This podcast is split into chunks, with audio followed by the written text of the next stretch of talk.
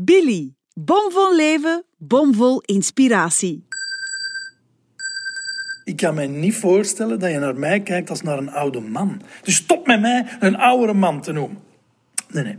Ik kijk geweldig uit naar uw berichtjes, maar ik kijk nog veel meer uit om u nog eens in levende lijven te zien.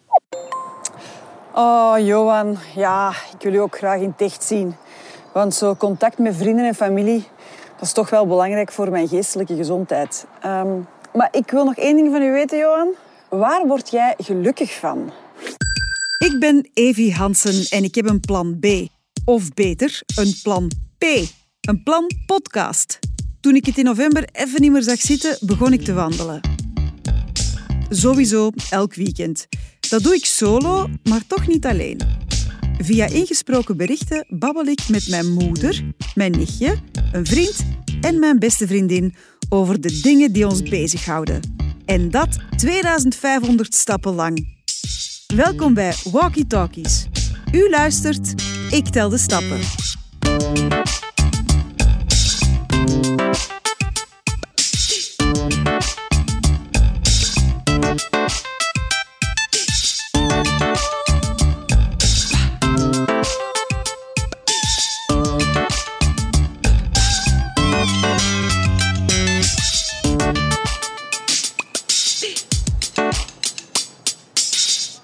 Ik begin aan mijn 2500 stappen.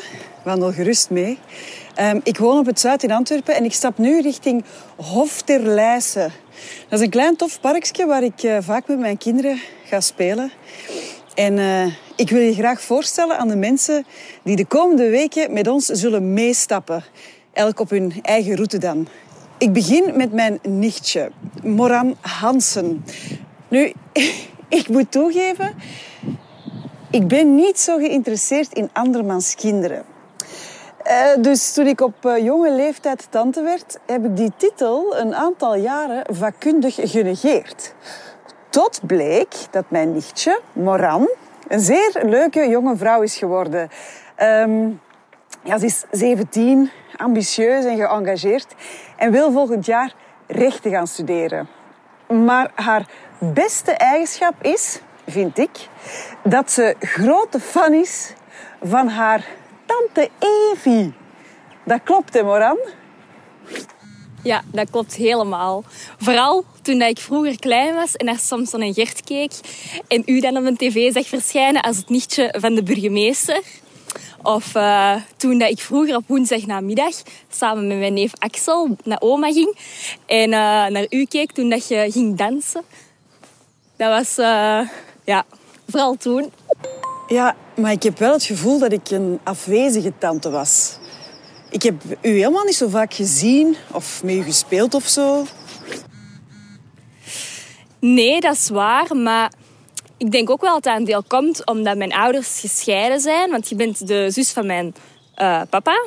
En ik ben ook niet zo heel veel bij mijn papa. Eén keer om de 14 dagen.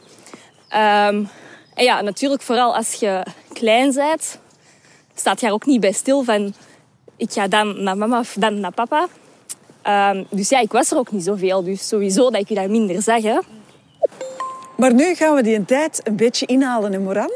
Want uh, we gaan regelmatig samen wandelen, maar dan op afstand.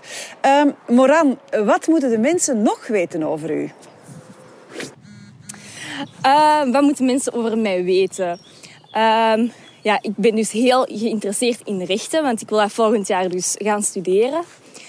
Um, ik vind dat sommige mensen, zoals pedofielen of homohaters of racisten, de maatschappij uit moeten. Uh, en uh, voor de rest sta ik heel positief in het leven. En ja, dat is zo, denk ik. Ah, dat komt goed uit, Moran. Want uh, ik heb nog een vraag voor u. Namelijk, waar word jij gelukkig van? Ik schrijf elke dag drie dingen op uh, waarvoor dat ik dankbaar ben. En als ik dat heb opgeschreven, dan geeft dat toch wel een goed gevoel. En ik doe dat meestal voordat ik ga slapen, want dan ga ik zo met een goed gevoel slapen. Um, en als ik dan zo een dag heb gehad dat zo wat minder was of zo, dan geeft dat toch zo een goed gevoel. Omdat ik dan zoiets heb van, oké, het was wel een slechte dag, maar ik heb dat toch nog, of ik heb dat gedaan of dit gedaan. En dat maakt dan toch wel iets beter. Ah, ja, ik hoor van veel mensen dat ze dat doen. Goeie tip. Ehm, wat zijn dan de drie dingen die jij opschrijft? Goh, drie dingen dat ik het meestal opschrijf. Oh, dat kan heel erg variëren van dag tot dag natuurlijk. Maar ik merk toch wel dat ik heel vaak gelukkig word van eten. Um, oh ja, vooral als je zo echt een drukke periode hebt gehad met heel veel schoolwerk of zo, dan is zo, ik weet niet, als je zo echt iets lekkers eet dan, of het is weekend en je eet iets met vrienden, dan is dat zo meestal zo, ja, pizza, frietjes of zo. En dan kan dat eens goed smaken als je dan zo een hele week echt druk hebt gehad en dat is zo een rustpuntje dan of zo. Um, een tweede ding, ik denk dat het dan wel mijn vrienden zijn. Omdat vooral met deze corona heb ik die veel minder gezien. En ik heb die ook wel echt gemist. En dan het derde... Hmm, goh, ik denk gewoon dat ik gewoon financieel in een goede situatie zit. Omdat bijvoorbeeld... Uh, gisteren ben ik bijvoorbeeld in bad geweest, maar ik, niet, dat ik niet, niet, niet, niet dat ik mezelf niet vaak was of zo, maar gewoon echt een bad nemen. Als je dat elke week doet, dat is, dat is veel water. Water kost geld. En ik weet dat niet iedereen daar financieel toe in staat is. Dus ik ben blij dat ik dat, dat, ik dat ja, kan doen. En bij u? Wat zijn zo uw dingen waar jij gelukkig van wordt? En ik word gelukkig van u te horen, Moran. Zo uw idealisme, uw jeugdigheid, uw uh, mondigheid. Dat zit toch een beetje in de families, hè? Als u nu ook aan het wandelen bent, dan hebt u nu ongeveer 500 stappen gezet. Ja, dat is een halve kilometer. Dus we stappen nog even door.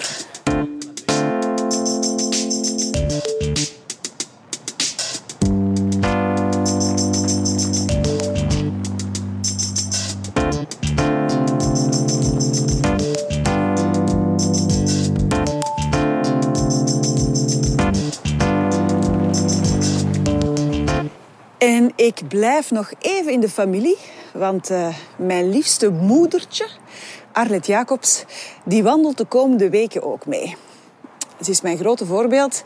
Ze heeft mij gemaakt tot wie ik nu ben, letterlijk en figuurlijk. Um, Arlet is een echte moederkloek. Zes kinderen, dertien kleinkinderen. En ze is 36 jaar kleuterjuf geweest. Ze is lief, ze is mooi, ze is frank, ze is 74 lentes jong. En het belangrijkste, ze heeft altijd gelijk. Dat is waar, moederke? Natuurlijk dat dat klopt. Ik heb ook altijd gelijk. Dus er zijn geen problemen over. Hè? En ik zeg ook altijd... Oh, mijn zus is daar, die wuift. We zijn nu in Lier. We zijn uh, langs de vesten aan het wandelen. En uh, mijn zus die woont kort bij. En wij houden elkaar zo wat in door. Uh, wij gaan soms samen wandelen. Dan gaat mijn zus mee, die zit, wij zitten de auto ergens en dan wandelen wij een nieuw klein stukje mee. En zij doet alles te voet. Nee, wat ik wou zeggen, ik heb natuurlijk altijd gelijk. Ik ben er ook al oud genoeg voor, voor altijd gelijk te hebben, hè? Ja, moederke, dat is zeker zo. Uh, ah, en doe tante Rita de groetjes, hè, als je haar nog eens ziet. Is er dan nog iets dat de mensen over je moeten weten?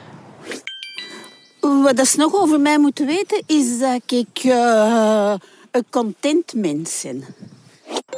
Mijn column gaat deze week over het uh, bruto nationaal geluk. En ik heb het gevoel dat, sinds ik elk weekend ga wandelen, ja, dat ik een leukere mens geworden ben dan ik al was. Uh, maar dat ik daardoor ook het bruto nationaal geluk in mijn eentje omhoog trek. Dus uh, mama, hoe heb jij de afgelopen 74 jaar uw steentje bijgedragen om uh, de wereld een beetje mooier te maken? Oei, oei, oei, ehm, ik vind mezelf zomaar een heel klein mensje in de peel deze wereld. En eh, ik denk als vele, vele kleine mensjes even content zijn gelijk ik, dat de wereld er dan wel een stukje beter gaat uitzien. Ik denk niet dat je in het leven echt moet strijden tegen iets. Ik denk dat je gewoon altijd moet accepteren wat er komt. En er het meest positieve van inzien.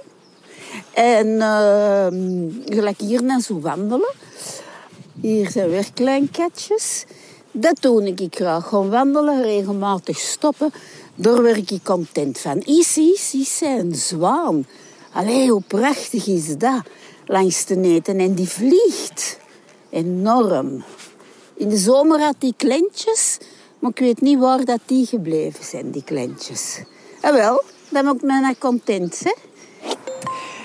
Ik heb echt een zalige moeder, maar uh, je zal ze de komende weken wel beter leren kennen. We zijn nu ongeveer op de helft van de route, dus ongeveer 1200 stappen. Dus als je op tijd thuis moet zijn, keer dan rustig terug, dan doe ik dat ook. Uh, en op mijn terugweg wil ik u voorstellen aan Johan Terrein.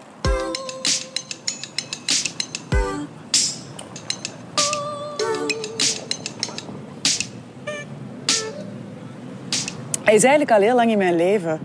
Uh, een groot deel daarvan als presentator en acteur op tv, waar ik vroeger naar keek. Um, maar tegenwoordig is hij ook mijn collega in de musical Mamma Mia. En deze zomer staan we eindelijk nog eens samen op de planken te zingen en te dansen. En ik wou hem er heel graag bij, omdat hij iets ouder is. Allee, ik bedoel, hij heeft ja, gewoon meer levenservaring.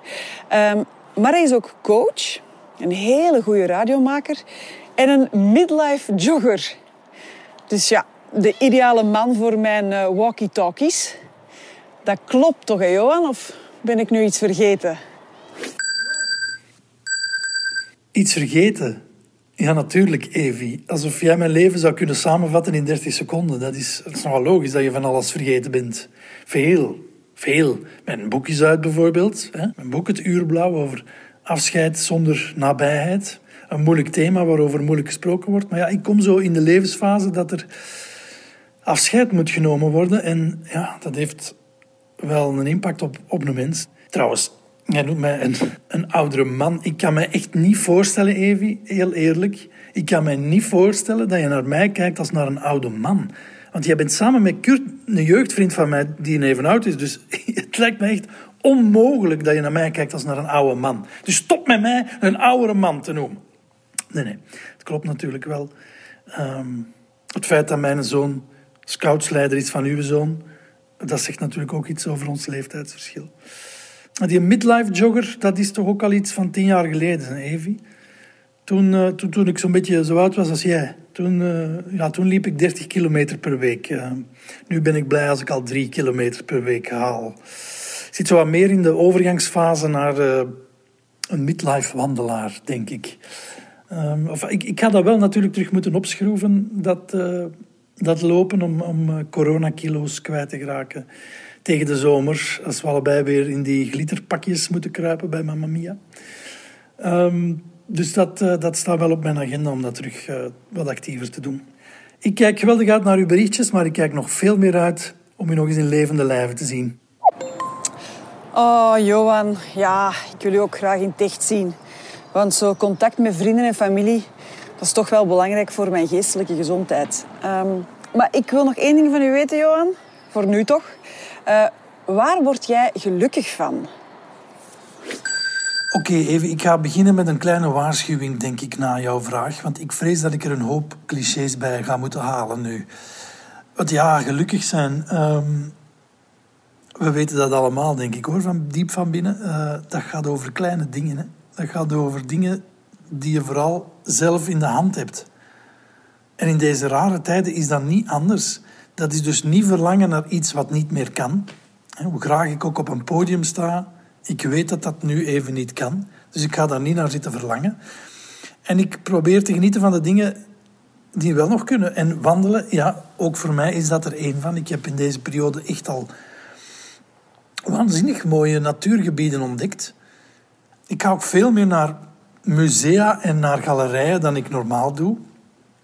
Waardoor ik dus veel meer ook opensta voor verwondering. ehm, voor de dingen die andere mensen verzinnen en maken. Waardoor ik zelf ook meer geïnspireerd word om te gaan schrijven en verzinnen. Over dingen die er, naar mijn gevoel, toe doen. En daar word ik ook gelukkiger van. Dus ja, eigenlijk is dat een beetje een positieve spiraal die je voor jezelf probeert te creëren, denk ik. En wat ik straks ga doen, dat is ook iets waar ik nu al geweldig naar uitkijk. Dat is, eh, ja, nu ik online werk en mijn zoon online studeert op zijn kot in Leuven, heb ik dus een plannetje gemaakt om hem straks te gaan ontvoeren. Ik heb een huisje in de Ardennen gehuurd, waar we net zo goed online kunnen werken en studeren. En ondertussen ook nog eens samen zijn en misschien, hopelijk, ja, daar reken ik toch wel op, af en toe ook nog een fikse wandeling kunnen maken. Dat doet hem ook graag. Dus daar kijk ik nu al geweldig naar uit. En van zo'n kleine dingen wordt een mens gelukkig. Ah, Dardenne. Ook tof om daar eens te gaan wandelen. Ehm, we hebben nu trouwens ongeveer 1900 stappen gezet. Maar we gaan elke week in deze walkie-talkies voor 2500 stappen. Dat is toch de bedoeling. Dus ehm, we zijn er bijna. En ik wandel nu via de Robert Molstraat terug naar huis. Dat is een hele mooie, rustige straat trouwens. Prachtige oude herenhuizen. En eh, de laatste persoon die ik aan je wil voorstellen is een van mijn beste vriendinnen.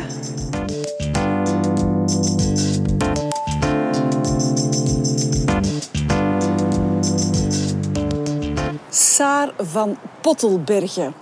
Ehm Saar is even oud, ook twee kinderen. En ze heeft mij ooit eens lang geleden dronken naar huis gevoerd na een feestje. En voilà, zo begon onze vriendschap. We gaan samen met onze partners en kinderen op vakantie. En ehm, ja, het klikt gewoon tussen ons. Er is één groot verschil. Eh, terwijl ik nooit een echt diploma heb gehaald, heeft zij er acht of zo. Eh, ze studeerde af aan de filmschool, werd daarna kinderpsycholoog en seksuoloog. Ehm, en momenteel heeft ze een praktijk en werkt ze ook in een ziekenhuis in Brussel aan haar doctoraat. Denk ik. Want ze is altijd blijven studeren en ze heeft al zoveel diploma's dat ik niet meer durf te vragen waar ze nu juist mee bezig is. Sorry, Saar. ik vind dat niet zo erg. Ik vind het wel een leuke voorstelling. Ehm, ik moet wel even corrigeren. Ik ben niet afgestudeerd aan het RITS. Ik ben afgewezen op het einde van het tweede jaar omdat ik een attitudeprobleem had. Dat heb jij ook al wel gemerkt waarschijnlijk, Evie. Af en toe heb ik last van attitude. Ik kom ook uit Antwerpen. Maar voor de rest eh, ben ik inderdaad, uh, heb ik een aantal diploma's. Ik ben nu bezig met een doctoraat in het UZ Brussel op de dienst Medische Genetica. En ik onderzoek daar uh, de impact van genoombrede analyse bij mensen met erfelijke hartritmestoornissen.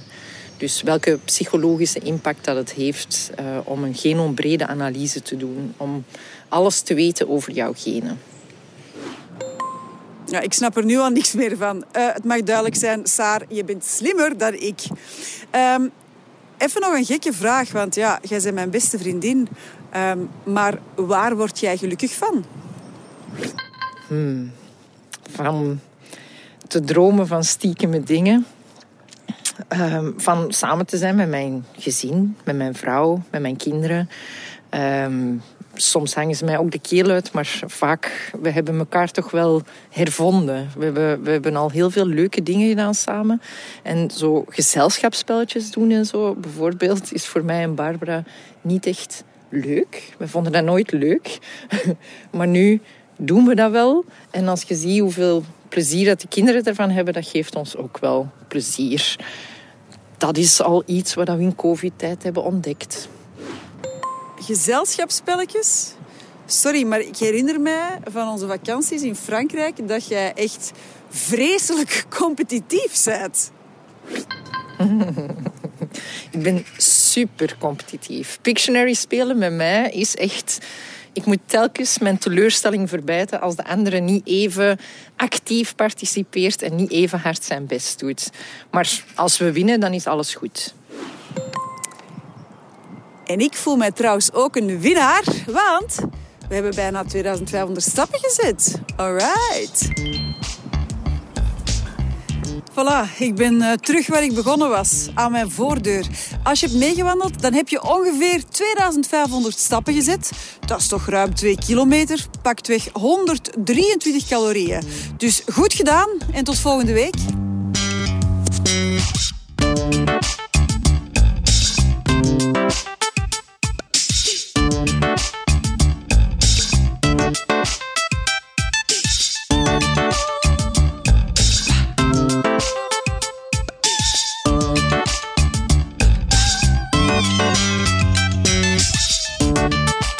Walkie Talkies is een podcast van Billy, het lifestyle magazine van het Nieuwsblad, Gazet van Antwerpen en het Belang van Limburg. Billy, bomvol leven, bomvol inspiratie.